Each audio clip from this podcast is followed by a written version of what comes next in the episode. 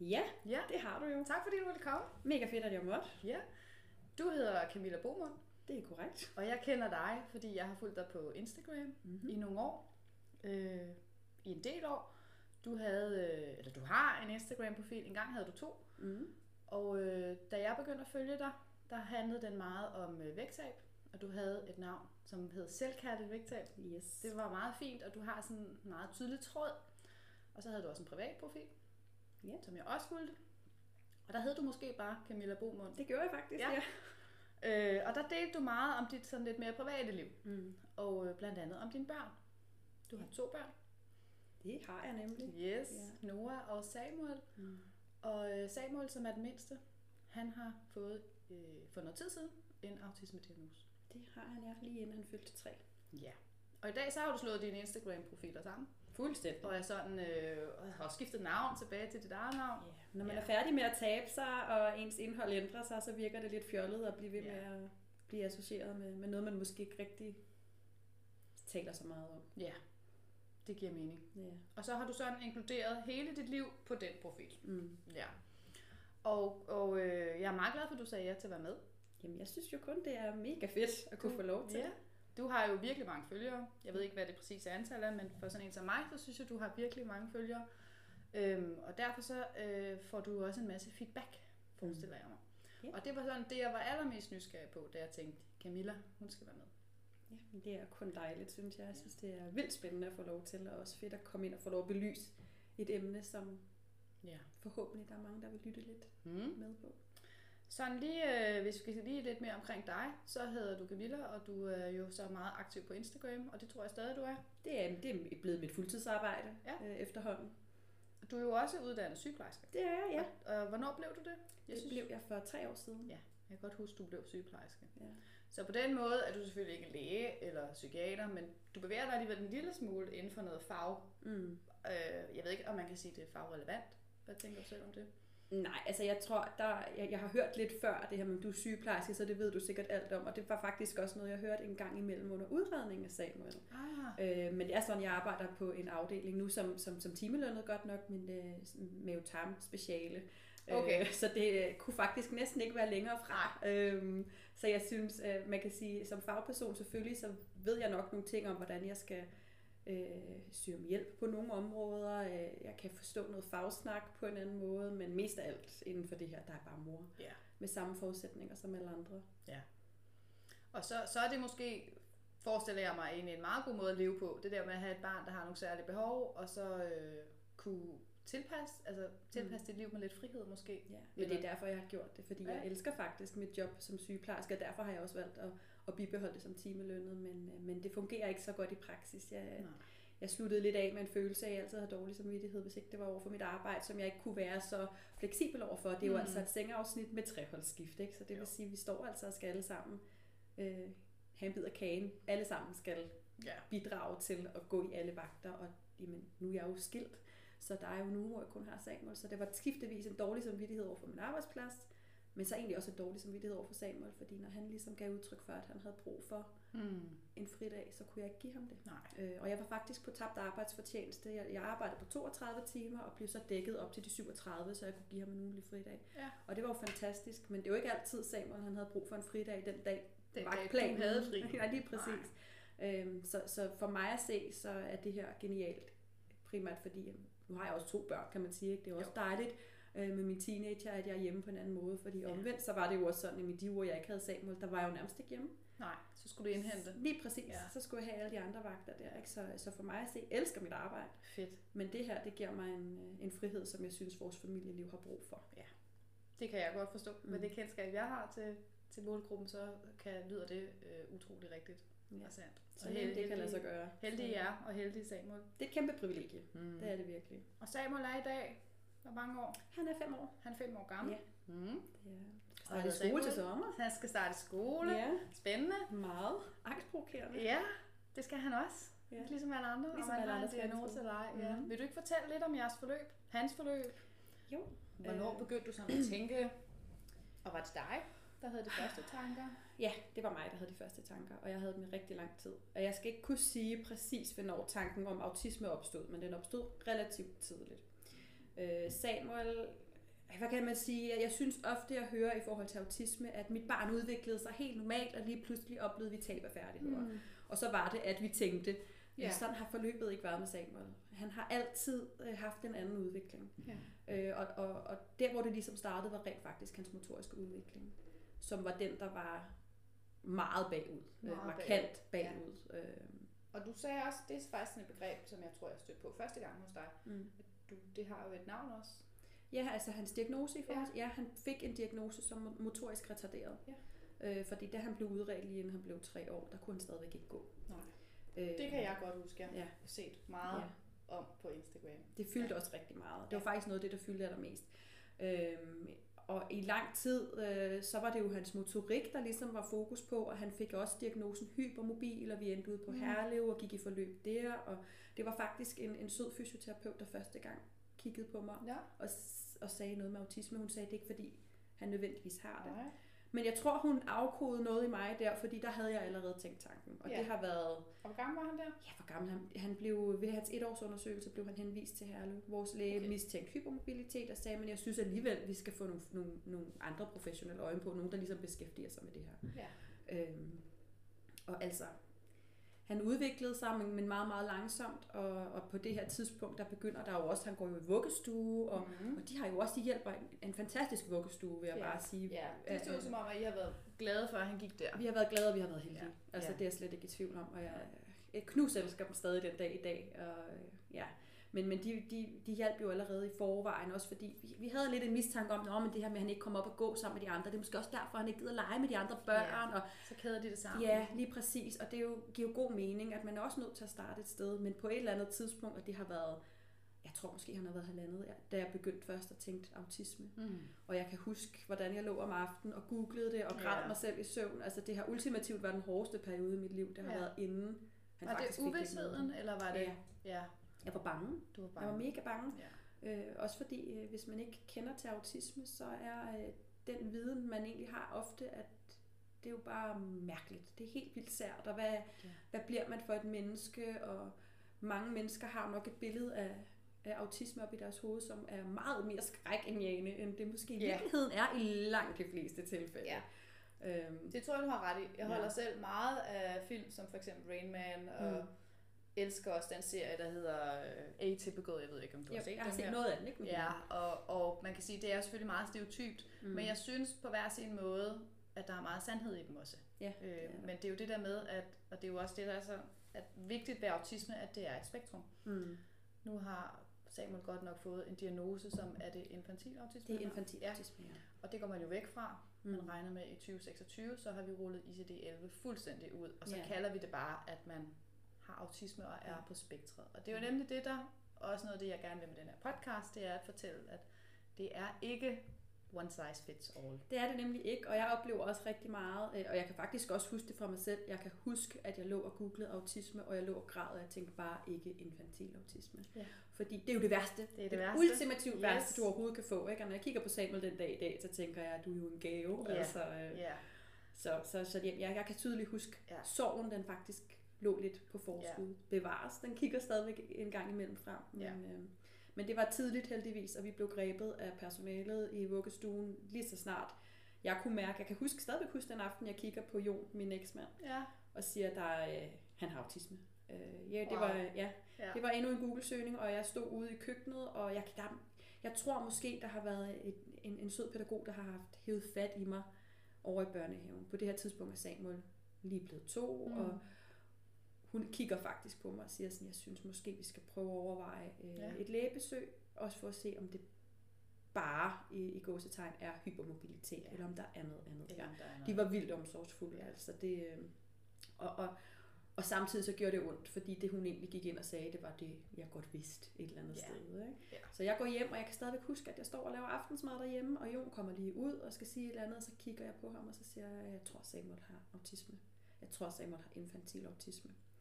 Og øh, han er sådan lidt, ah, Mm. Ej, det tænker, nej, det er tænker jeg ikke. Og det skal også lige siges, det her det er Jons første barn, så han har jo heller ikke noget sammenligningsgrundlag. Og selvom Nora på det her tidspunkt, da vi får Samuel, er blevet ni år gammel, så husker man stadig Ja, lidt ja, og du har noget at spejle dig i, og læne dig op af, og en helt Ja, øh, øh. forholdsvis he- almindelig, nu kender jeg ikke dit barn, Mm. men en helt almindelig dreng, der Ja, har ja. udviklet sig. Fuldstændig. Så, så jeg tror også, jeg måske har set noget andet. Ja. Øhm, Og det hører man faktisk tit, ja.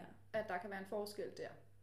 Og det var der også, men der gik faktisk... det første eller andet barn. Og det, det, det, det tænker jeg også giver rigtig god mening. Ja. Ikke? Og der går faktisk ikke særlig lang tid. Jeg står stadigvæk og laver mad. Øhm, så kommer Jon ud, og så siger han til mig, jeg tror, du har ret. Nå, så, Så- har han også været inde og google. Så han har også været inde og google, Ja. simpelthen. Hvad skulle og, vi gøre øh, uden Google? Jamen altså, Google er fantastisk og forfærdeligt. Ikke? Ja, det altså, rigtigt. det har været, Det øh, været årsag til mange tureture for Ja. mig øh, at ligge øh, ved siden af Samuel, som på det her tidspunkt jeg samsår med ham. Og han lå altid ved siden af mig, men hvor mange Ja. stille tårer jeg har grædt, altså sådan helt, så det gjorde ondt ud i fingerspidserne. Den der sorgfulde gråd, fordi man bare ved det. Ja. Øhm, så, så, så dagen efter, at jeg har kigget på Jon og sagt, at han har autisme, så er det at gå ned i vuggestuen og sige, nu er det ikke for Samuels skyld, vi prøver alt muligt. Nej, Nu er det for vores nu skyld. skal der ske noget andet. Ja, han er nødt Ja. til at blive udredt, for Ja. vi, vi, vi ved det alle sammen. Ja. Øh, og så går jeg ud på en bænk, og så græder jeg. Nå. Og det her, det er mens jeg skriver bachelor, og så går jeg hjem til min veninde, og så græder jeg. Og, Ja. Altså, øh, ja, vi øh, ender med at drikke kaffe, og så ryger vi en hel masse cigaretter, fordi altså, det er egentlig ikke noget, jeg bruger særlig meget tid på at gå og ryge cigaretter, Nej, men lige der, men der var lige det der. bare, altså... Øh, Så der var noget, der skulle dulmes på en eller Ja, anden måde. og der blev ikke skrevet særlig meget bachelor den Nej. dag, men det var som om, det blev lige springbrættet, så nu, nu, nu bliver det alvorligt, ikke? Ja. Nu er det ikke bare en Google-søgning mere, nu er det, nu er det sgu seriøst. Og nu begynder det måske at få nogle konsekvenser, tænker du, på Samuels vegne, og blive ved med at have ham i almindelige rammer. Og... Jeg tror ikke, jeg, når, jeg tror ikke, jeg tænker så langt der endnu. Jeg tror stadigvæk, at, at, at jeg, jeg er et sted, hvor jeg tænker bare ikke infantil autisme. Ja. Lad det bare ikke være sandt. Altså, fordi man er så bange for, hvad betyder det her for mit barn? Og hvad betyder det for mig? Jeg synes også, det er vigtigt at kunne i tale sætte. Jeg, jeg vil jo aldrig nogensinde kigge på Samuel og tænke, øv, at jeg fik dig. Nej. Slet, slet ikke. Men det var jo ikke det. Nej, det var ikke det, du havde forestillet Nej. dig. Når du tisser på en graviditetstest og får to streger, så tænker du fedt mand, specialtilbud, handicapbusser og hvad med, når jeg ikke er her en dag mere. Det er jo slet ikke de tanker, Nej. du gør det, fordi den der normale kasse, vi har, byder jo mere ind i, at man tænker, at mit barn så skal have en uddannelse, Ja. og have et arbejde, og have en kæreste, og børn, og giftes, og alle de der ting, Ja, det er som, helt almindeligt, lige som vi præcis. er designet til. som vi er designet til også at synes er det gode liv. Ikke? Ja. Øhm, Og det er så spændende, du siger det, Camilla, fordi det har jeg mødt virkelig mange gange før. Øh, Mm. Om sidste gæst, Marie, talte også lidt om det. mm. Det der med infantil autisme, og det er også noget, jeg selv har beskæftiget mig meget med på LinkedIn og sådan.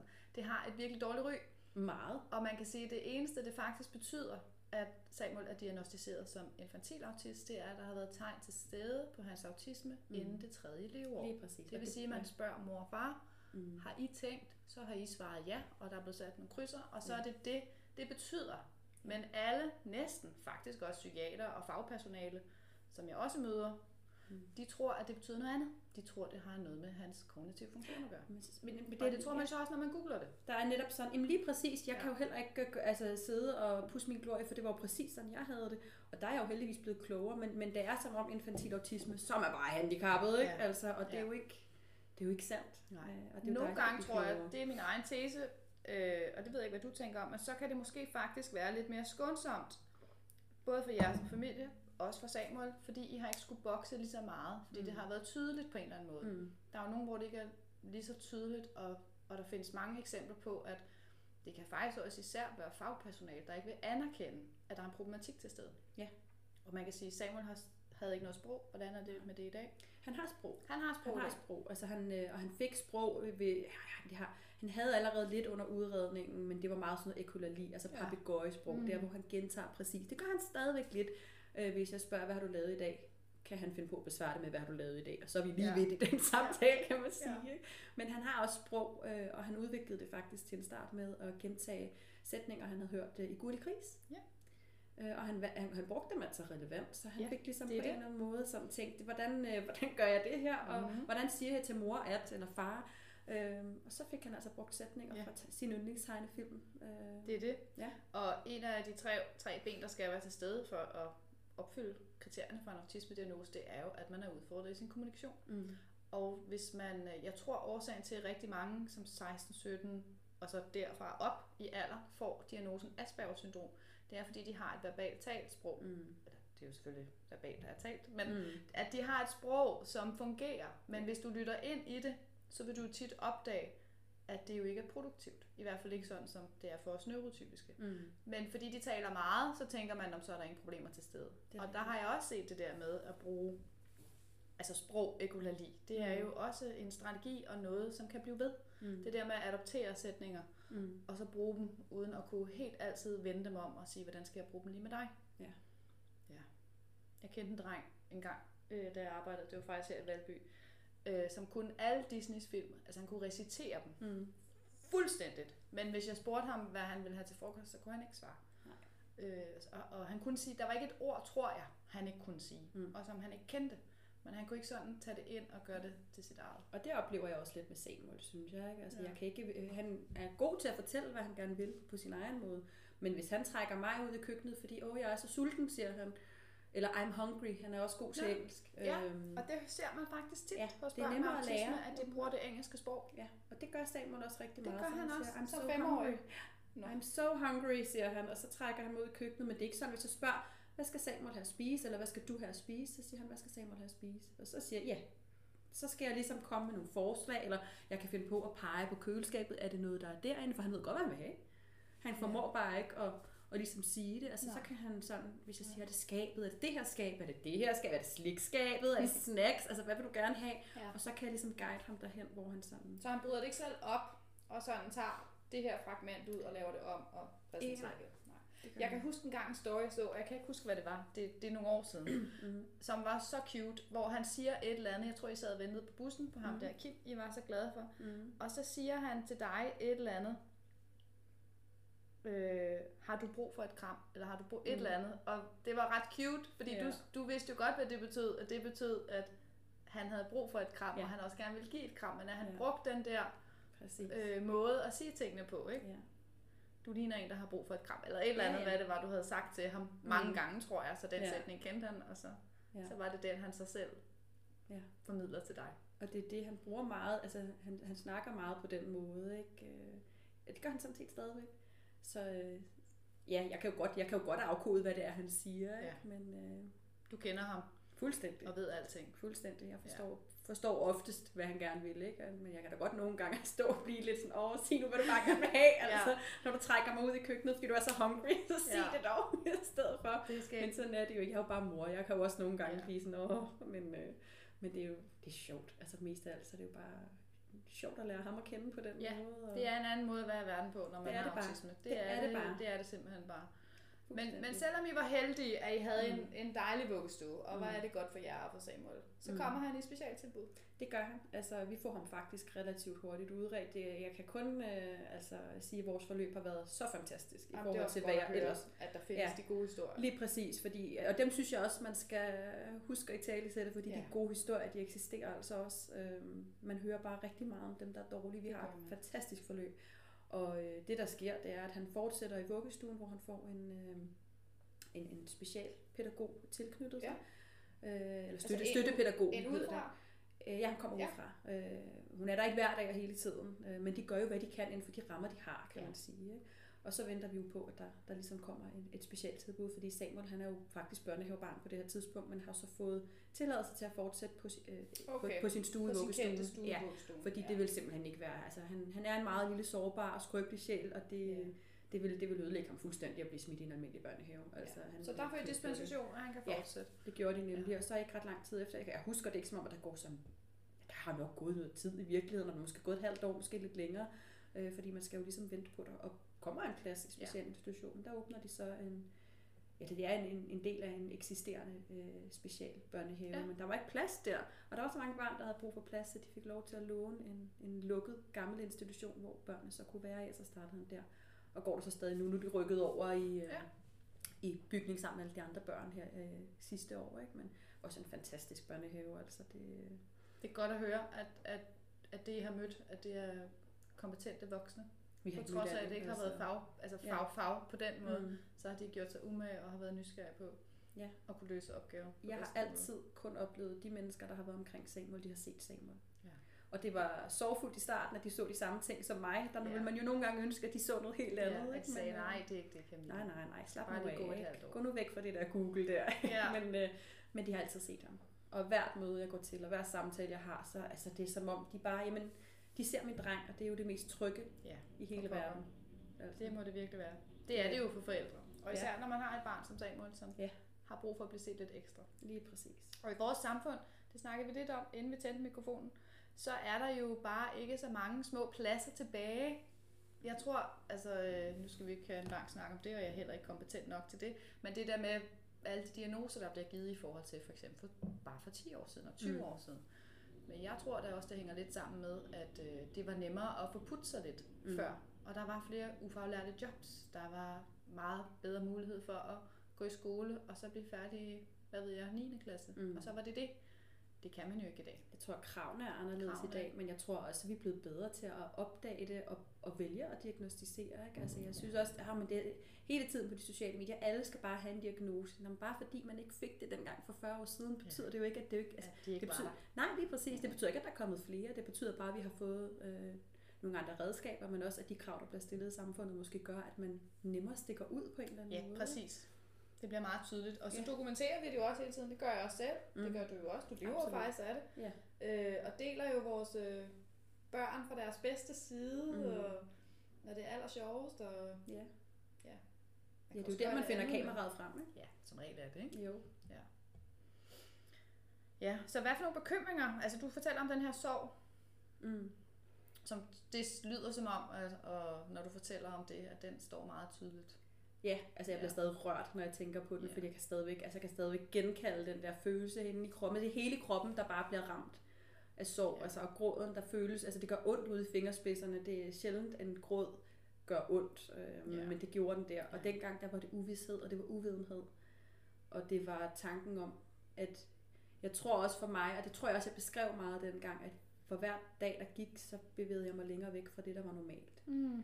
Øh, at så længe han ikke havde diagnosen, så havde jeg stadigvæk op i mit hoved, kunne jeg godt bare lade som om, at det var normalt. Der Ja. var ikke noget, der var Nej. anderledes. Men lige så snart, at der ville være en diagnose, så ville det være så endegyldigt på en Ja. eller anden måde. Det vil jo virkelig også gribe ind i jeres liv. Ja, på en Og helt anden måde. Ligesom, altså, ja, og det der med, så skal man i specialtilbud, og pludselig så kan jeg ikke selv hente og bringe mit barn om morgenen, fordi han Mhm. bliver placeret i en institution, hvor der er plads. Ja. Det er ikke nødvendigvis lige i baghaven, hvor vuggestuen lå, og øh, jamen, øh, åbningstiderne er anderledes, fordi de har åbent øh, på flere tidspunkter af året, fordi de her børn har brug for Ja. noget andet. Så, så, så lige pludselig så står der altså en, øh, ja, på det her tidspunkt, Kim hver morgen og Ja, eftermiddag. jeg kan huske mange opslag om Kim. Eller Kim stories øh, var jo fantastisk. Øh, han er ikke vores chauffør mere, desværre, men øh, fantastisk Kim. Samuel var så glad for ham. Ja. Det kunne man godt se. Ja. Ja. Øhm, Ja, det var chaufføren, der hentede. Det var, I starten, der gjorde han begge dele. Der gjorde han begge Der var han bare, der var det bare Kim. Ja. Så er der blevet skiftet lidt ud. Ikke? Vi har også en fast nu, men når jeg siger fast, så siger jeg, at øh, han kommer der en gang imellem. Ja. så det er desværre også noget, der Ja. ikke altid fungerer. Det er også et vilkår, som faktisk Ja. også lige har været lidt i... Øh, altså, nogle meget frustrerede forældre, har Ja. jeg set. Der I starten, der var det jo hårdt, fordi man ikke selv kunne hente og bringe, og det oplever jeg ikke altid så stor forståelse for, så hent ham dog selv. Ja. Hvad med brugter, det er da et fantastisk tilbud, ja bevares. Øh, Det er det. Det er det, men vil du ikke selv gerne se personalet og institutionen i børnehaven, og hvis jeg skal hente Samuel hver dag og Ja. bringe ham, så skal jeg med det offentlige med ham to gange, det er ikke godt for ham. Plus han er motorisk retarderet, så den der gåtur på halvanden Mm. kilometer, ikke? Altså jeg, øh, når jeg henter ham, det har jeg gjort et par gange, så tager det to timer, og det er jo bare den ene vej. Ja. Øhm, Og det er jo en, en, øh, en aktivitet i sig selv. det er det jo. Det er det lige præcis. Det er alt for meget. Det rummer han jo ikke to gange om dagen. Øh, alle ugens dage. Øh, så det har jo også været sorgfuldt, og nu er det jo en frustration, fordi Samuel knytter sig jo til sine voksne, og vi Ja. knytter os jo også. Det er jo det der med at sætte sit barn ind i en bus, og så kører de bare. Nogle gange er han jo ked af det, det er jo svært. Ja, det Altså, kan jeg forestille mig. det der med, at, og det ved alle forældre, og det er forfærdeligt at skulle aflevere et grædende barn til en voksen. Ja. Men når jeg afleverer et grædende barn om morgenen, så er det til en chauffør, der ikke kan tage, tage hånd om ham nødvendigvis, ja. fordi han skal jo køre bus. Det Og skal han jo. Og hvad kan han ellers Og, gøre? og ikke? måske, altså, måske er han ikke en Kim, jeg ved ikke, hvor Nej. mange der er sådan nogen, men, men uh, Kim var sikkert heller ikke faguddannet, men han Mm. kunne noget andet. Er han meget kunne eller andet, ikke? Han 100 kunne et eller og andet. jeg tror egentlig ikke, det var fordi, han gjorde det vilde, og det er nogle gange Nej. også det helt rigtige, ikke? Ja. Altså, at bare være. Øh, men så er det da som forældre, øh, og også for Samuel helt sikkert, at det er langt mere trygt at blive sat på en bus med et velkendt ansigt. Ja, selvfølgelig. Øh, også på de dårlige dage. Heldigvis er Samuel oftest glad, når han skal med bus, ikke? Men, øh, Men ja, det er problematisk, det her med, at, øh, at, at chaufføren ikke er faste, for det er Ja. jo alt andet lige meget det, et barn med autisme har brug for. Et menneske Ja. med autisme har brug for noget struktur og kontinuitet. Ikke? Og Jo. det der med nye ansigter hele tiden, og tider, der skifter, og ja, Ja, det ved vi, at det er som udgangspunkt bare et rigtig dårligt vilkår. det er super nederen Ja. faktisk. Nu sagde du selv, øh, Camilla, et menneske med autisme, og jeg vil gerne Mm. spørge dig om, for det synes jeg altid er en spændende lille debat, eller mm. snak i hvert fald, det der med, hvad kalder du det? Det lyder som om, du så kalder det det, men der er jo nogen, der siger autist, og så er der nogen, der siger et menneske med autisme. Jamen, øh, jeg tror øh, sagtens, du kan opleve mig at sige begge dele. Og det er egentlig ikke fordi, altså jeg tror, jeg, jeg kan bedst lige sige et menneske med autisme. Samuel har autisme. Mm. Jeg kan godt finde på at kalde ham min lille autist. Han er min dreng, det må jeg godt. Ja. Øh, så det det er en slags alt sammen- øh, det kærligt, øh, det er så kærligt, omfavnende, når du siger sådan, Øhm, lyder det som om. Min oplevelse, det er, at øh, det er meget delte mening omkring det. Øh, Jeg har både set autister, der gerne vil kaldes autister. Jeg har set mennesker med autisme, der gerne vil have, at det er det, man ligesom siger. Og jeg favner begge dele. Jeg øh, vil bare sige, at uanset hvad jeg siger, så er det kun ment i allerbedste mening. For, jeg, for Ja. mig at se, siger jeg nok mest, at Samuel har autisme, fordi mm. jeg synes også, at Samuel han rummer meget mere. Ja. Det er helt klart, det, er, øh, det griber jo ind i alt, han er. Og meget af det, Samuel viser, og det vi ser, det er jo også på grund af hans autisme. Mm. Men han er også bare Samuel. Ja. Og det synes jeg også er vigtigt at ære. Men hvis han, øh, hvis han udvikler et sprog, hvor det er en samtale, jeg kan have med ham, og han siger, mor, kan du ikke bare kalde mig autist? Jamen, så er det det, jeg gør. Så er det, du gør. Altså, det synes Ja. jeg er vigtigt at ære de mennesker, som Ja. jo faktisk har diagnosen. Ja. Øhm, så jeg tror, jeg siger lidt af begge dele. Ja. Det er så Helga, det er jeg også lidt der. ja, jeg gør faktisk lidt det samme. Og så Ja. jeg prøver at spørge. Øh, ja, dem man kan spørge, Ja, synes jeg, det er vigtigt at spørger spørge. Ja. Så er jeg begyndt at sige, kan jeg høre, det kan jeg faktisk høre, når jeg også har genlyttet de her afsnit, jeg lige om lidt skal udgive, at jeg er begyndt at sige meget, når man er på spektret. Det er Mhm. åbenbart sådan en, øh, jeg synes det er lidt nemmere at sige det, Ja. fordi et menneske med autisme, det bliver sådan lidt Mhm. længere og sådan lidt Ja. mere, så ja. Og er på spektret, det er jo, ja, det, Ja. ja. Det, kan, det giver også god mening. Der tror jeg måske også bare, at det giver bedre mening for os, der forstår, at det er et spektrum. ja. Øh, Det er jo ikke alle, der gør det. Nej, det er rigtigt. Det tror jeg lige om lidt, at der er flere, der forstår. Ja, forhåbentlig. Mm. Hvad er så særligt, når man har sådan en, en fyr som Samuel i sit Mm. liv, både som mor, øh, eller især som mor, for det er det, du er. Hvad, Mm. hvad er så sådan særligt svært? Ja, Eller bøvlet, Ja, altså jeg vil sige det sådan rigtig meget i forhold til Samuel, det er jo blevet vores nye normal. Ja. Så det er jo ikke sådan, at jeg hver dag tænker, åh, det er også bare fordi du har autisme, åh, det er også bare hårdt, fordi vi har autisme i familien, fordi det er jo blevet vores normal. Mm. I de uger, jeg har Samuel, der ved jeg, hvad der skal ske de fleste dage, og jeg, der, det er ikke fordi, vi kommer på de vildeste udflugter og det ene og det andet, og det er jo en del af vores normal, men det er samtidig også det, der kan være rigtig svært. Ja. Øhm, jeg har jo, det tror jeg de fleste det, kvinder måske, så jeg drømmer om det der med at få børn samtidig med deres veninder. Mm. Øh, og det der med at ses med hinandens børn og legeaftaler, og det er bare Det der gå for lækkert, ikke? Altså Ja, det vil man ja. bare mega gerne. Og det har været en kæmpe sorg for mig, at jeg føler, at det kan vi faktisk ikke. Nej. Og det er ikke fordi, jeg synes, jeg har veninder, der ikke øh, inviterer til det eller åbne for det. Jeg har nogle fantastiske veninder, og det er jo ikke alle mine veninder, der har børn eller har børn på Samuels alder, men, men der er nogen, der har, og ja, de, de er helt fantastiske, og jeg er også blevet inviteret til ting. Men, men der er også bare rigtig mange ting, jeg må sige nej til, fordi jeg jo kigger Mm. på mit barn og tænker, hvis ikke, måske kan Samuel rumme det. Det er ikke altid, jeg kan heller. Nej. Øhm, der er nogle ting, som man nok lidt tager for givet, når man ikke har et barn med autisme. Hvis man får sådan helt Ja, almindelig helt neurotypisk neurotypisk barn, Ja. ja. så er det jo helt normalt, at man bare lige en, på barslen, øh, ja, eller når man er hjemme, øh, at den ene eller den anden år, så tager man da lige øh, på biblioteket med veninden og barnet, mm. der tager lige hjem og drikker noget kaffe og hygger sig, eller man tager i zoologisk have, og når de bliver større, så er man i Tivoli, hvad man nu ellers skulle finde på. Ja. Ikke? Øh, det kan jeg godt mærke, jeg synes er svært. Altså Ja. ja. bare, og ikke bare det der med at gøre det med veninder, men også at gøre det som familie. Nu har jeg øh, lige øh, her til jul, der øh, købte jeg for min, fra min farmor til, til mig og ungerne, og til Jon faktisk også købte jeg øh, øh, hvad hedder det, årskort, årskort til Tivoli. Ja. Øhm, fordi jeg tænker, så er der nok større sandsynlighed for at få det brugt. Jeg har købt det, der hedder et wildcard. Det er sådan, Ja. hvor så får du også Turpas, turpas, med, ja. Lige præcis. Altså så Kæmpe fedt. lige præ- og det Nora er har glad. Nora elsker det. Det gør jeg også. Øh, og, og, øh, vi har haft det før, hvor der var på en uge, hvor jeg var afsted med Nora fem gange. Ikke? Altså Wow. når man først har det, så, Så- kan man lige så godt. Så kan man lige så godt slide det op. Øh, men jeg husker stadigvæk med gro og rædsel en tur i Tivoli, hvor Samuel var med. Mm. Øhm, hvor Jon, ligesom, vi deler os op. Jeg har Samuel, og Jon, Ja, han får ligesom det prøvet- om tit. Ja, Og Jon prøver så nogle forlystelser med Nora, fordi det er jo også for Nora, hvis hans Ja. dag i Tivoli skal ødelægges. Øh, fordi Samuel kunne slet ikke rumme det. Her er han så ikke diagnostiseret. Det, jeg kan stadigvæk huske mit opslag, fordi den dag, øh, var, det var lige inden Samuel fyldte to. Ja. Og øh, Samuel kunne ikke gå på det her tidspunkt. Han ville gerne bare kravle rundt i Tivoli, og vi var selvfølgelig taget derind, hvor der var mange mennesker. Hvornår er der egentlig heller ikke det? det er nærmest altid. Øh, lige præcis, og jeg kan stadig huske, hvor forfærdelig den her tur den var. Øh, altså, hvordan han havde en total komplet nedsmeltning. Jeg kan huske, hvilken forlystelse vi stod ved. Jeg kan huske ja. øjnene for... Det står bare printet. Ja, ja, jeg kan huske, der blev sendt øjne, fordi mit barn jo sikkert bare var uopdragent. Mm. Mm. Og, øh, altså, ja, om det, var, det var ganske forfærdeligt. Øh, og så alligevel så har jeg jo så lige købt årskort. Men det vi faktisk gjorde, det var, at vi tog i Tivoli her øh, i juledagene med Samuel. Øh, og det gode ved at have et årskort, det er jo, at man kan komme og gå, som det passer ind. Mm. Så rummer han det, han Så rummer. hvordan gik det? Det gik mega godt. Øh, altså, jeg er stadigvæk høj på den dag. Ja, ja. fordi og havde han sin solsikke? Jeg ved, du øh, Han havde den glad solsikkestoren. Jamen altså, jeg, synes jo, det er, det, det er fint. Har han Øh, som kasket? Hvordan er? Ja, han har den som Ja. kasket, men det er jo ikke den rigtige kasket, så Nej. det skal han jo ikke have på, vel? Og snoren, den går lige an til nøds en gang imellem, men det er heller ikke lige favoritten, vel? Nej. Så har jeg den på min øh, taske eller Ja. ja. et eller andet, ikke? Øh, Men det gik mega godt, den der Tivoli-tur der. Øh, Så det er jo rigtig, rigtig dejligt. Men jeg kan også omvendt sige, at det er jo ikke noget, man bare lige nødvendigvis kan. Men- Men som forældre skal man også tage enormt meget tilløb til sådan en tur. For det, det er ikke bare sådan en hygge tur og det ved jeg godt. Det er jo heller ikke for alle andre forældre nødvendigvis, men alle børn, de kan jo... Ja, men du har nogle andre vilkår med, som skal, Det har jeg, som skal og, tilrettelægges. det, og, og nogle gange kan jeg også godt mærke i forhold til, hvad, det der gør det så sårbart, det er, at det er jo heller ikke altid kun Samuel, det er jo også mig. Altså det, hvad jeg kan rumme som forælder. Hvad, jeg sådan, hvad, hvad magter jeg den dag? Ikke? En tur Ja. i Tivoli, den koster rigtig meget. Det var en fantastisk tur, men jeg var søndans også træt, da jeg kom hjem, fordi Ja. ja. det var alt sammen på Samuels præmisser, og vi gjorde alt, hvad han øh, ville. Ikke? Altså, øh, nu var min bror og hans kæreste også med, jeg vil sige hatten af for, at, at de, de tog med, fordi det er bare en anden måde at være på mm. tur på. Mm. Og det, det er nok det, jeg vil frem til, det er, det er det, der er hårdt. Ja. Det er det, der er svært. Det er, der er altså bare nogle normale ting, man ikke bare lige kan. Ja.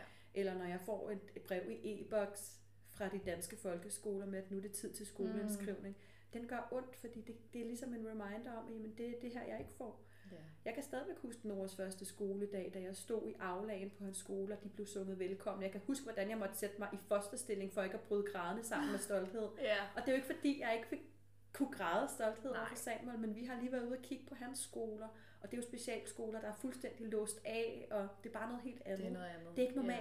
Ja. Nej. Og når man så får sådan en besked i e-boks med, jamen, så skal du til at skrive dit barn ind i den danske folkeskole, men sådan, mm, det- skal jo så ikke på de samme vilkår, men tak for, tak for det der salt i mit åbne kød. Ja. Sådan føles det virkelig. Ja. Øhm, Det kan jeg få. Jeg har haft... Øh, mit, min søn, han er 11, mm. og når du siger det der, jeg kommer bare lige til at tænke på det med barnevognstur og sådan. Han havde kolik, Oh, ja. øh, og det, øh, det var helt frygteligt, og det der med ikke at kunne trøste mit barn, det var Mm. enormt svært. Ja. Og jeg er jo øh, uddannet som pædagog, og øh, altså havde tænkt, bare komme med den unge der. Mm. Og jeg Mm. kunne ikke tage ham i, hvor jeg bor i Frederikssund, og vi skulle have toget til Ballerup med min mødergruppe. Mm. Og Alvin han skreg, Ja. øh, for han blev lagt ned i barnevognen, og til vi var hjemme igen tre timer senere. Og, Jamen, og så jeg holdt op. Ja. Øhm, og han har også haft meget svært ved at sove og alle sådan nogle ting. Men det, som jo er forskellen, som jeg bare tænker på, det er, for os, så gik det jo over. Mm. Alvin, og især da han kunne begynde at fortælle, hvad det var, Mm. så kunne vi jo ligesom gribe ind og, og løse nogle af de problematikker, der var. Han kunne få dræn, og han havde dørene. Og så, ligesom, så blev kurven meget mere stabil. Ja. Og det gør den jo aldrig rigtigt for jer. Nej, men det synes jeg faktisk er en mega fed kobling, også hvis der nu sidder nogen og lytter med, som ikke har et barn med autisme, eller har nogen som helst erfaring om, om det er autisme eller andre handicaps i virkeligheden, eller andre udviklingsforstyrrelser, hvad det nu måtte være, at hvis man ikke har den personlige erfaring, men måske stadigvæk har børn, at man så kan sætte sig ind i den sværeste periode, mm. man måske selv har haft, har det været kolik, har man ikke sovet tre år, hvad det nu måtte Ja. have været, at, at det er jo bare noget, der fortsætter. Ja, det er det. Ja, For jeg kan tiden. faktisk huske den tur i toget hjem med Ja. min veninde Lea, som jeg stadig øh, Mm. ser i dag, og hun har en lille pige, der hedder Emma, Mm. øh, og hun har også bare kigget på mig, sagde hun, altså, "Men Alvin han græder bare altid sådan der, hvad er det? Mm. Og jeg kunne altså, mærke gråden, og ja. det er det, du beskriver, ikke? Ja. Og det var, jeg husker det tydeligt, men Ja. det gik jo over. Det gør det nemlig. Samuel Men det- det, er jo Samuel med alt, hvad det Og det er jo det, og han er skøn, og han er fantastisk, og det er, han er en gave, men det er bare også hårdt, at Ja. der er nogle ting, man ikke altid kan. Ikke? Og, det er også, og det har jeg også lagt mærke til nogle gange, har jeg fået sådan nogle, og det er velmente beskeder på Instagram, mm. men hvorfor tager du ham ikke ud og gå en tur? Hvorfor gør du ikke lige det? Ja. Fordi det kan jeg ikke bare nødvendigvis. Nej. Fordi nu er, kan man så også sige, at Samuel han er motorisk retarderet. Det betyder også, at hans ben bliver trætte. Han kan jo Mm. gå i dag, og han kan også, øh, vi kan kalde det løb. Øh, vi kan også kalde det noget andet, men altså, han kan komme lidt hurtigere Han bevæger sig, og, Ja. ja, ja. Øhm, men, men Men det er jo meget den tilgang, vi har i det her samfund, Camilla. Mm. Mm. Det er jo det der, det skal bare trænes. lige præcis. Og det, som vi ved med autisme, det er, at man kan ikke bare sætte en plan og et mål, og så skal det trænes. Nej. Fordi det skal give mening. Og hvis det ikke giver mening for et menneske med autisme, så er der ingen motivation. Lige eller, præcis. Hvorfor skulle man gå en tur, hvis til at gøre det? Ja, lige præcis. Og, øh, og, og der er også bare det her med hans motoriske retardering oveni. Der er jo det her med, at han bliver udtrættet. Hvor skal Ja. jeg gå hen? Ja. Så skal jeg slæve rundt. Han vejer altså 17 kilo nu. Ja. Altså, jeg kan ikke bare bære ham, ikke? Altså, det, det, Og det bliver svært. Det bliver svært, og jeg tror, det er svært for mennesker at forstå. Øh, Det er jo faktisk også svært for mig at forstå. Mm. Det har taget mig mange år at nå hertil. Øh, Jeg synes, mit første møde med autisme, det var måske sådan en institution, som Samuel går i nu, Mm. Hvor det var en, det hed en basisgruppe Mm. med seks børn, som enten havde ADHD eller havde autisme. Mm. Og så og jeg var jeg blev 25, da jeg var blev uddannet. Altså Mm. det er mange år siden, ikke? Og jeg Mm. elsker børn, og det er godt, at jeg ikke arbejder i en daginstitution i dag, fordi jeg kyssede de der børn hele tiden, og også på munden. Og det kan man jo ikke stoppe med. det. Ja. Det gør jeg. Jeg har også arbejdet i vuggestuer, men de der børn, fik Børn der er en bare så kærlighed. indbydende, ikke? Jamen, det er de altså, bare. Til, jeg elsker den der fysiske kontakt på, altså Ja. på den gode måde. Ja, ja. Og det gjorde jeg jo også med de børn. Mm. Øh, og jeg kunne slet ikke forstå det. Altså, og jeg ville ikke rigtig forstå det. Fordi mit udgangspunkt var, ja ja, men de er også bare børn. Ja. Og der var en dreng engang, som blev sat, så har man sådan nogle legestationer nogle gange. Mm. Skærmede skrivebord, hvor man så Ja. har en arbejdsopgave, hedder det. Og det lyder jo også sådan lidt Mm. mekanisk på en eller anden Men måde. det skal var det også der være nogle gange, ikke? Ja. Det er jo det, det skal være. Og så fik han sådan en øh, opgave, Mm. øh, arbejdsopgave, hvor han skulle samle noget Lego. Jeg kan ikke huske, hvad det var. Og det gjorde han. Og så jeg sad og kiggede, og så da han var færdig, så tænkte jeg, nu begynder han at lege. Så tog han det der og kyldede det ned i kassen igen. Og jeg, jeg, jeg var sådan, "Hvad- øh, du, nu skal du jo lege med det. Lejen er slut, sagde Ja. han. Jeg har jo gjort. Nu har jeg gjort Ja. det, der var opgaven. Så det er jo, hjernen er jo opbygget på en helt anden måde, og udgangspunktet er et helt andet. Og Det er det det kan være svært at se, når man bare kigger på Samuel som... Det er det, og det forstår jeg også godt, og jeg skal da også nogle gange minde mig selv om, at jamen, dem, der følger med, de ved jo heller ikke, altså jeg vidste jo heller ikke alle de her Nej. ting, før jeg fik Samuel, så, øhm, så ja, det er da også svært, men det kan godt være hårdt, øh, også det her med at få sådan en Ja. besked, hvorfor går du ikke bare en tur med ham, eller sluk den der skærm, eller hvad det nu måtte være, Mm. for det er bare, jamen, sådan er det bare ikke. Nej, Sådan er virkeligheden bare ikke for mig med Samuel. nej. Man kan ikke trække den almindelige kasse ned over hovedet på ham. Det fungerer simpelthen ikke Og bare være insisterende nok. Nej, det kan man nemlig ikke. Nej. Ja, det kunne man da godt prøve, man men kan altså... prøve det, og så kan man så vurdere, når man har prøvet det nogle gange, fordi man kan sige meget om autisme, men det er jo også en meget insisterende, Mm. øh, et meget insisterende handicap på en eller anden måde. Det er sådan lidt my way det or the highway følelse nogle gange. Og det skal man virkelig lære at navigere Mm. efter. Og jeg synes der, hvor jeg, jeg er jo praktiker og har været det i mange år, og har arbejdet med autisme i, jamen siden jeg, jeg stod og kyssede de der børn Ja. med autisme, stakkels børn. Som sikkert ikke vil have det. Ja, de synes, det var forfærdeligt. Og jeg tænkte, du skal da bare lige have lidt Åh, Kom nu bare få det Ja. kærlighed, du gerne vil have, Ja. jeg ved det. Jeg har lært at, at redigere lidt i det, ikke? Ja, det har jeg Øh, stadigvæk ikke. Nej. Til. Men du er også mor. Du skal Ja, i virkeligheden han er nødt til det. Det må han acceptere. Det har taget meget, meget lang tid at ligesom Ja. lære at ændre mit mindset Det er også svært. Det er Ja. rigtig svært. Det er det virkelig. Men hvad så? Nu har vi talt om, og du fortæller jo fint om, hvad der er svært, du er meget åben omkring, den mm. sorg, der følger med osv. Men hvad er så det, det fede? Altså, det sjove, det, hvad ved jeg? Jamen, det er jo en helt anden verden, man bevæger sig ind i. Altså, jeg, øh, Det er det. han er så finurlig jo. Han Ja. er så sjov, og han Godt er... ord. Ja, det, han, han er virkelig finurlig. Ja. Og han siger jo nogle gange de sjoveste ting. Altså, jeg ønsker, at jeg lige havde de her øh, bedste eksempler, ikke? Men altså, han får mig til at grine hver eneste dag. Mm. Altså, selvfølgelig kan han også få mig til at få lyst til at rive mit hår ud af hovedet, men sådan er det jo med børn. Ja. Det er jo lige meget, om de har diagnoser eller ikke har det, ikke? Men han er, han er fandme sjov, altså. Det er han virkelig, Mm. og jeg synes også et eller andet sted, så synes jeg, det fantastiske ved det her, det er, at det åbner op for en verden, hvor jeg også bliver mere rummelig Ja. og mere forstående øhm, over for andre mennesker. Øhm, og det, og det, det synes jeg et eller andet sted også, jeg lægger mærke til, når jeg taler med mange andre, der måske ikke har det her inden for livet, at Mm.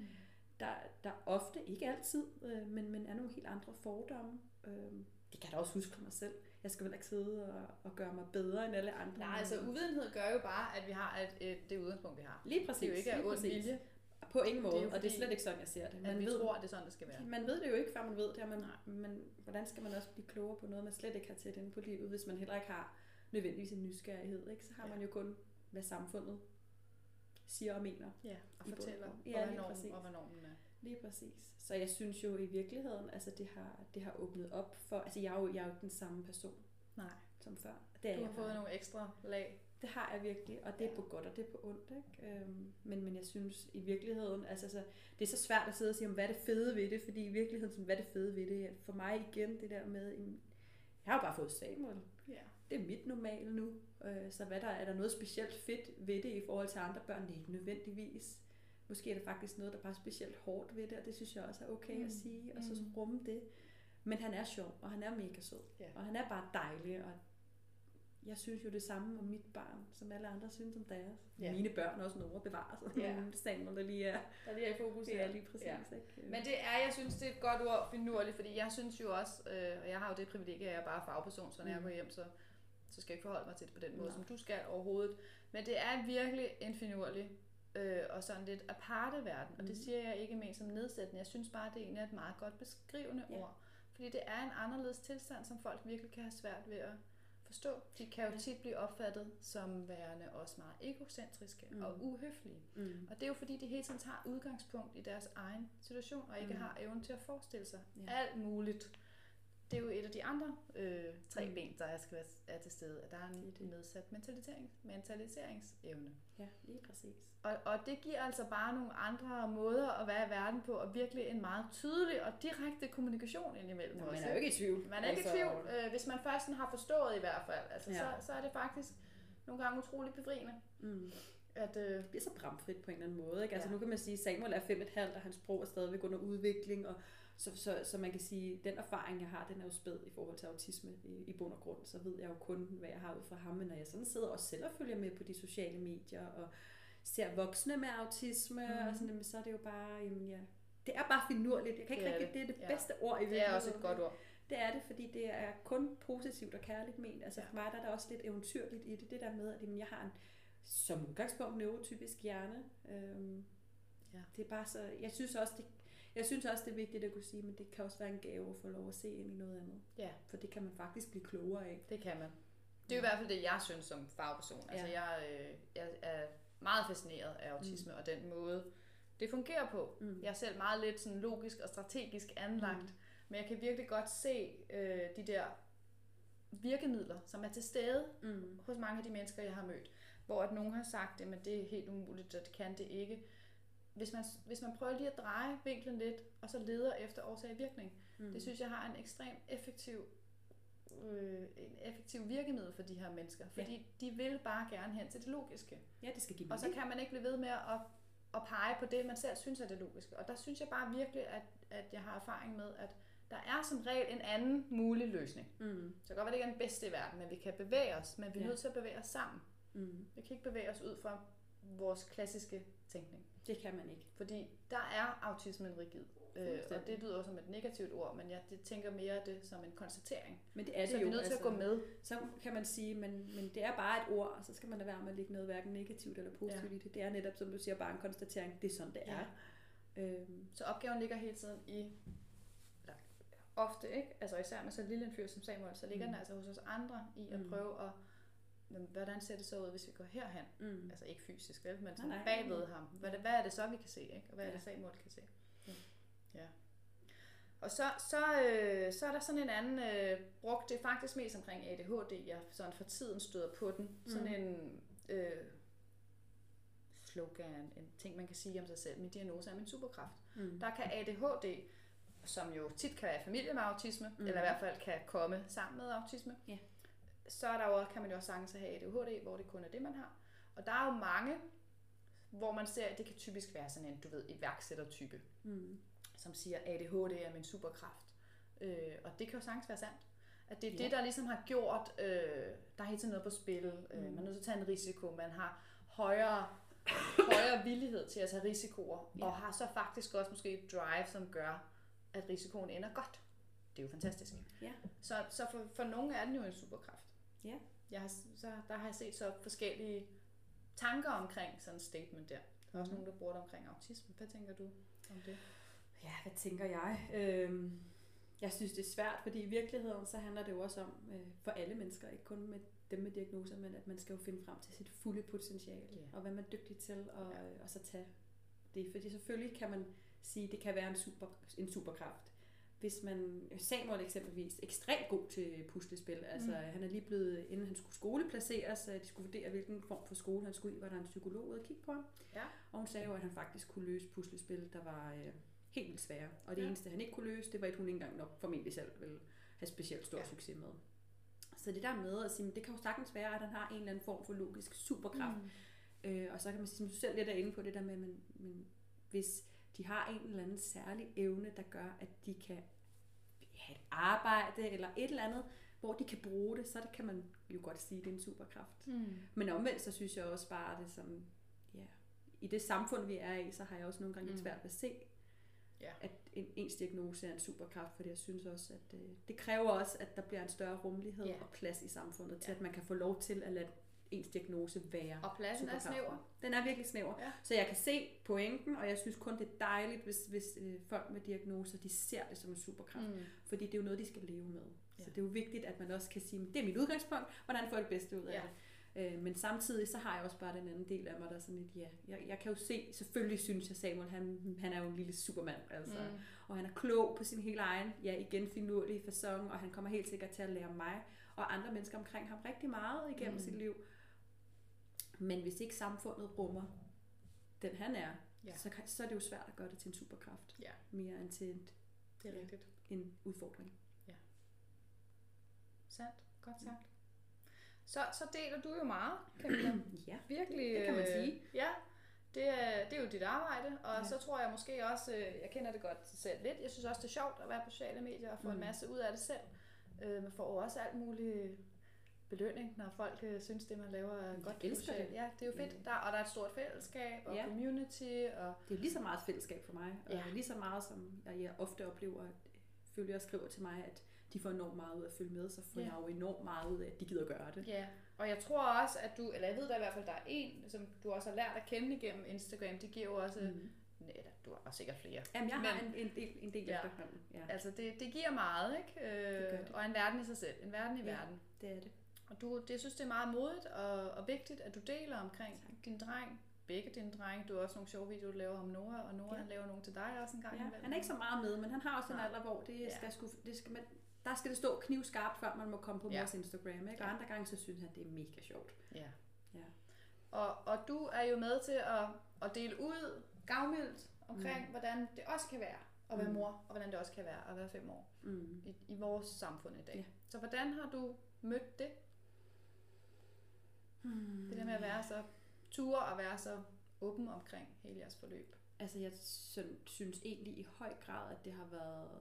Altså, jeg er blevet grebet øh, rigtig meget. af- Der er jo også, altså, der er jo også øh, andre mødre, der har fundet frem til mig, og jeg har fundet Ja. frem til dem, som også står med børn, der har diagnoser af den ene eller den anden slags. Og det synes jeg har været en gave også, det her med, Mm. at jamen, jeg bliver faktisk grebet af nogen, der forstår, hvordan jeg har det. Eller hvis de ikke forstår, hvordan jeg har det, så sender de jo bare kærlighed afsted. Og det, igen, jeg får også enormt meget ud af det. Det giver mig mega meget, når jeg sidder derhjemme måske øh, og deler noget, der er ekstremt sårbart. Mm. At der er nogen til at give mig et virtuelt kram.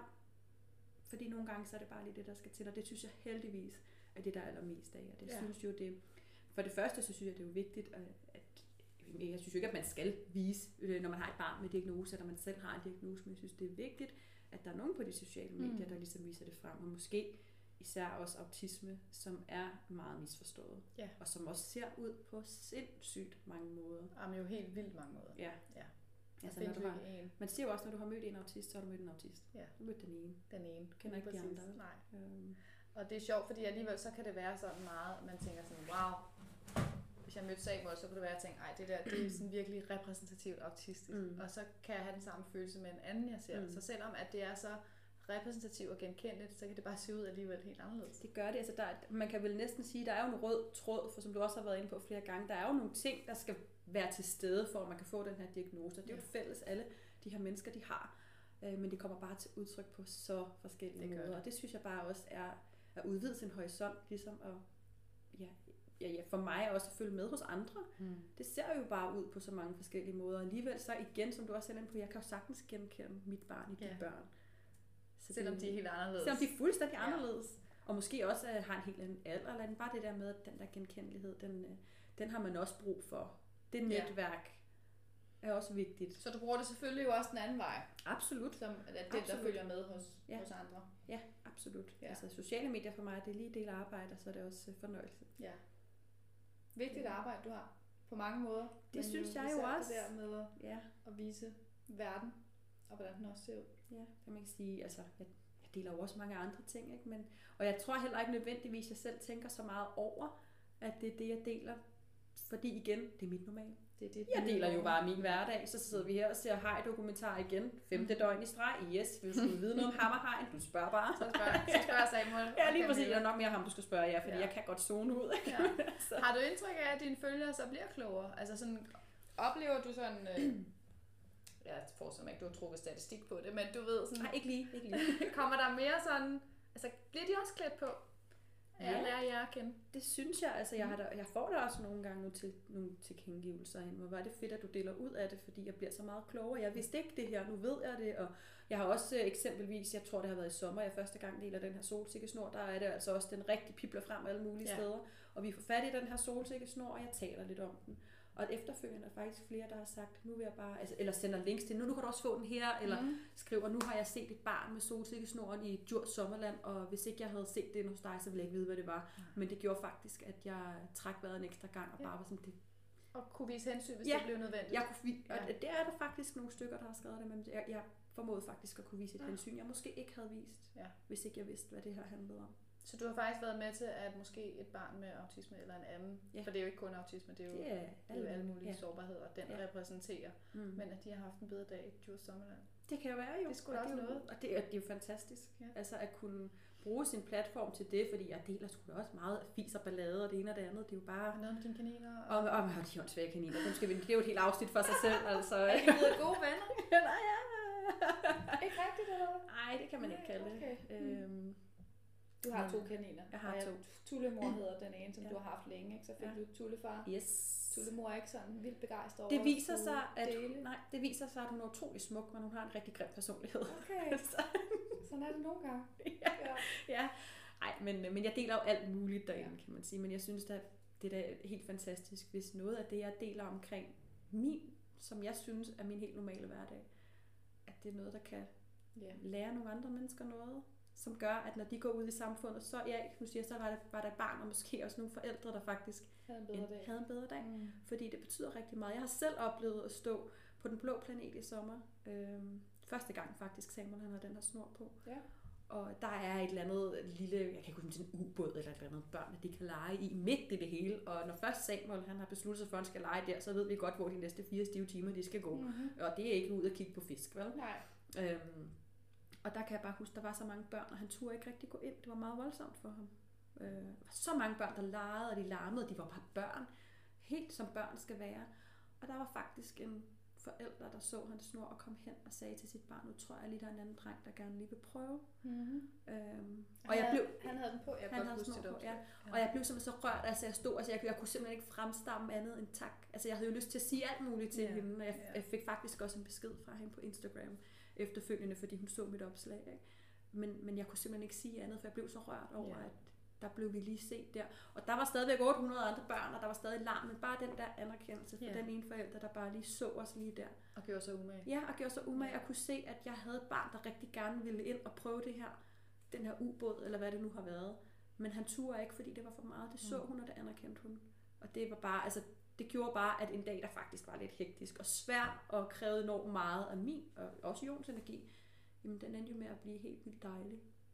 Ja. Fordi der var bare, der, der skal jo ikke mere til. Det er jo Så bare den det. har en effekt, kan vi roligt Den har en sige. effekt. Ja. Det har den. Og det er jo helt sikkert ikke alle, der kender til den. Og måske findes der også mennesker, der er ligeglade. Og sådan, og det er jo, altså, vi er alle sammen forskellige, men, men bare det der med, der var bare lige en, der så det. Mm.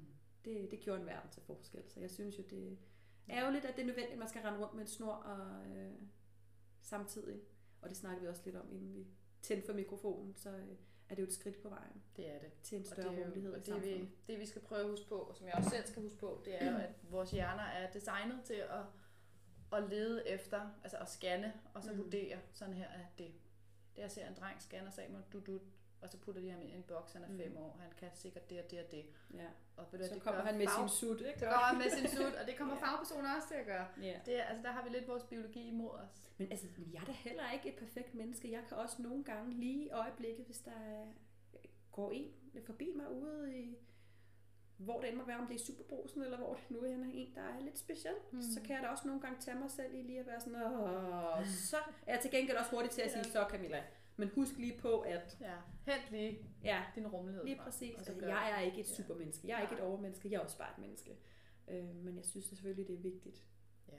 at, øh, at vi alle sammen bliver bedre til at rumme. Og det, der vil jeg også godt lige indskyde, det er jo ikke kun mennesker med diagnoser Nej, eller nej. noget som helst. Det er altså også bare, når man står der i Netto kl. 15.30 efter at have hentet Bertram nede i, i børnehaven, og han lige Ja. får et eller andet øh, øh, flip øh, på øh, gang, eller i gang 3, fordi han ikke må få chokofanter. Ikke? Altså, det må man også godt være rummeligt, fordi Bertram behøver ikke at have en diagnose, Nej. fordi han siger fra. Bare utidig i dag. Lige præcis. Altså, Ja. der skal være en større rummelighed helt generelt. Ikke? Men øhm, Ja. ja, Dine tanker om fremtiden, Camilla? For dig og Samuel selvfølgelig især. jeg Hvis du har nogen. Jamen, jeg, jeg, jeg særlige- tror, for mig, der er det nok det, der er den, det, der sådan er værst i dag i bund og grund, det er tanker om fremtiden. Hmm. Øhm, fordi han er super nuttet nu. Ja. Og alle Han er synes, virkelig nuttet. Han er virkelig nuttet. er et meget Og smukt øh, barn. alle synes, han er utroligt nuttet. Ja. Og det er jo rigtig dejligt. Hvem Ja. kan dog ikke lide at få at vide, Ja. at man har et nuttet barn? Det er skønt. Mere af det. Øh, mere af det, men jeg tænker jo rigtig meget på, øh, hvad så når han er teenager? Der er Mm. ikke nogen, der synes, han er nuttet mere. Hvad når han skal, når han bliver myndig? Hvad kan han? Hmm. Hvad er hans fremtid? Fordi jamen, det kan jo se ud på mange forskellige måder. Han kan jo udvikle sig sindssygt meget fra nu Mm. af. Med de rette forudsætninger kan han jo komme rigtig langt. Men hvor langt? Hvad, Ja. hvad er det, Samuel kan opnå? Kommer han nogensinde til at bo for sig selv? Det Mm. tvivler jeg på. Kommer han hen og bo på et bosted? Er, er, er, det, er det personale, der vil holde af ham? Ja. Og den, den største for mig i virkeligheden, det er, hvad når, når Jon og jeg ikke er der mere. Hmm. Vil han nogensinde få omsorg og kærlighed? På den måde. Ja. Eller skal han, øh, altså hænger han på en eller anden udtrættet pædagog, fordi det er sgu også et, et fag, øh, der er slidt, ikke? Altså, øh, Det er det. Det Og det kender er du til. Det Ja, er ja, ja. ja. sygeplejerske være. lige præcis, altså hvor jeg bare har det sådan lidt, det er da min allerstørste frygt, det er, at der Ja. ikke er nogen til at passe på mit barn, når jeg ikke Ja. er her mere, fordi han har ikke nødvendigvis forudsætningerne for at kunne passe på sig selv. Hmm. Og så har han selvfølgelig en dejlig storebror, men jeg kan jo heller ikke kigge på mit barn og sige, så, Nej. når mor ikke er der mere, så kan du godt lide, ikke? Altså det, han Så har sit eget liv. lillebror. Han har sit eget liv, og det, det synes jeg er rigtig vigtigt. Altså han, øh, han er sin egen, og han skal leve sit liv. Selvfølgelig ja. håber jeg da på, at de har en relation. Det er slet ikke det, men, men det er jo ikke hans ansvar. Det er det. Så det synes jeg er svært. Så lidt bekymring. Ja. Ja. Hvad, det hvad, kan jeg godt hvad, kan han, hvad kan han Ja. blive til? Og så skal jeg også nogle gange selv parkere den her tanke om det normale gode liv. Mm. At det Samuel kan godt få et godt liv, selvom han ikke nødvendigvis får en høj uddannelse. Det er jo fordi, jeg selv har på den måde, forstå mig ret, men, men man, som forældre drømmer man jo altid om det vildeste for ens børn. Ja. Og, og, og det vi Og ved, som minimum, så drømmer man i hvert fald bare om det normale. Som Om regel. det normale, Ja. om han er glad som det ene eller det andet, det er sådan set fuldstændig ligegyldigt. Altså, om han får en uddannelse, er mig i- immer væk også i bund og grund fuldstændig ligegyldigt. Bare han er glad og ja. har et godt liv. Og så er vores øh, fortælling om det gode liv jo også, at man sig et arbejde, man er glad Mm. for. Man Mm. køber måske et hus. Ikke? Der er jeg ikke selv noget til at komme heller ikke til det, men den har jeg også måttet lave om i mit Ja. hoved. Ikke? Men bliver gift og får børn og alle de der ting, at jeg skal selv minde mig selv om, at det gode liv kan være mange ting. Mm. Og Samuel kan godt få et godt liv, men alligevel er det selvfølgelig en bekymring. Ja. For hvad for et liv får han, og hvad kommer han til at kunne? Og hvad med, når vi ikke er der mere, mor og far? Ja. Det er svært. Jeg har mødt mange forældre, som dig, på den måde. Og tit får jeg dem, når deres børn er lidt større. Jeg Mhm. arbejder jo med unge lige nu, som er mellem 18 og 30. Øh, og typisk så kan de være i starten af deres 20'er, når jeg lærer dem. Og tit er der en familie også tilknyttet, fordi de bor hjemme til de her Mm. børn. Hvis de er så heldige, de har en familie. Og hvis Mm. de er endnu heldigere, så har de også en familie med ressourcer, som, Mm. som du har og Jon Mm. har, og gør, og gør jer umage og virkelig jo tilpasser og sådan stopper kærligheden ned i halsen på de her børn. Det Mm. tror jeg selv på gør en stor forskel. Helt sikkert. Og, og noget af det, jeg har fået lyst til at sige til dig, det er, at jeg møder virkelig mange forældre, som for eksempel har de ikke skrevet deres barn op til en bolig, fordi de altid har tænkt, ligesom du siger nu, jamen, det er ikke sikkert, at han kan bo for sig selv eller Mm. hun. Øh, og det så viser sig, at det kan de faktisk måske godt med mm. den rette støtte. Så jeg vil bare, til dig og til alle andre, der lytter, så vil jeg bare sige, når jeres barn fylder 15, så at, burde det være påbudt ved lov, at man skriver sit barn op til bolig, fordi det er umuligt at komme til. Så gør det. Ja, det er det virkelig. Og så, så håber jeg og tror, at, at øh, der vil ske det, som jeg sker, ser ske tit, at det alligevel bliver bedre, end man som forældre havde tur og håb på. Mm. Og så tror jeg, det betyder enormt meget hvad man selv kan byde ind med som forældre. Altså, og, og man har evnen, og det er jo ikke alle, der har den desværre. Nej. Øhm, men når man har evnen til at tilpasse sig sit liv og, og tage de hensyn, som, som det jo kræver for et barn som Samuel. Og det gør det. At vokse op og blive Og til det den bedste udgave af sig selv. Og det kan også være svært nogle gange, ikke? Altså det der med, at man også selv skal omstille sit eget liv, og for den sags skyld sine andre børns liv. Ja. Som jo altså også, altså jeg synes det er svært at sige lider under, fordi det er jo ikke fordi vi lider, men, men det er trods alt. Ja, det kræver en tilpasning og en, og en fleksibilitet fra jer alle sammen. Det gør det virkelig. Også fra Nora. Mm. Ja. Men Camilla, det glæder jeg mig til at følge med i. Jamen, det er da bare dejligt, du vil. Det er du så øh, virkelig utrolig gavmild til at dele ud af omkring, så tak skal du have for det. Nu har vi talt i præcis en time. Det blev alligevel langt så. det gjorde det. Ja. Tak fordi du ville være med. Tak fordi jeg måtte.